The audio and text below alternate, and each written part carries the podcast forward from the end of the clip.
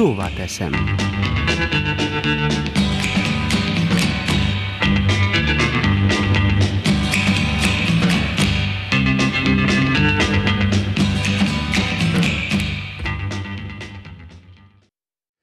Több mint három hónapnyi bezártság után holnaptól végre szabadon mozoghatunk az országban.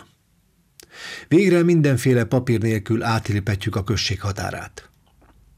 Most tudom, mit érezhettek azok, akik 1989. augusztusában ott voltak a páneurópai pikniken, amikor ideiglenesen megnyitották a magyar-osztrák határt, és az emberek szabadon mehettek Ausztriába. Pedig a mi bezártságunk csak néhány hónapig tartott. De. És megint ott motoszkál bennem, hogy vajon meddig tart majd ez az állapot. Valóban olyan jó a járványügyi helyzet, hogy a vendéglátóhelyek kivételével minden megnyitható? Miközben látjuk, hogy Európa egyes országai további szigorításokat vezetnek be. Vajon a nyitás mögött meghúzódik-e bármilyen politikai szándék?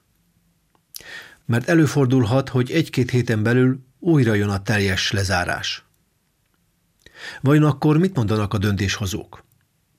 Valószínűleg azt, hogy a nyitást mi, polgárok akartuk, hát ez lett a következménye.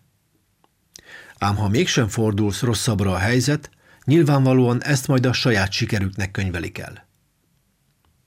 Minden esetre a közvélemény igen erős nyomást gyakorolt a kormányra, ami annak alacsony, alig 30%-os támogatásában is megnyilvánul.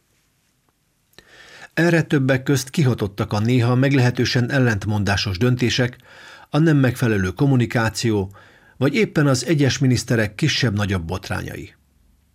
Éppen erre a hétre is kijutott belőle kettő is. A bizonyítványt persze meg lehet magyarázni, de amíg az emberek úgy érzik, hogy vannak első és másodrangú állampolgárok, addig erre nem sok esély van. Aztán ott voltak a gyors tesztekkel kapcsolatos rendeletek.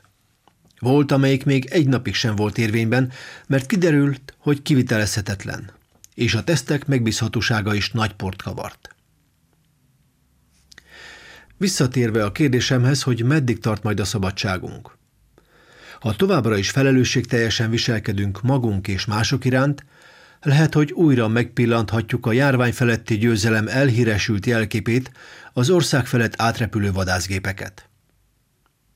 Én azonban jobban szeretném, ha a kormány az embereket az őket megillető tisztelettel és megbecsüléssel kezelni, ami biztosan hozzájárulna a közös sikerhez.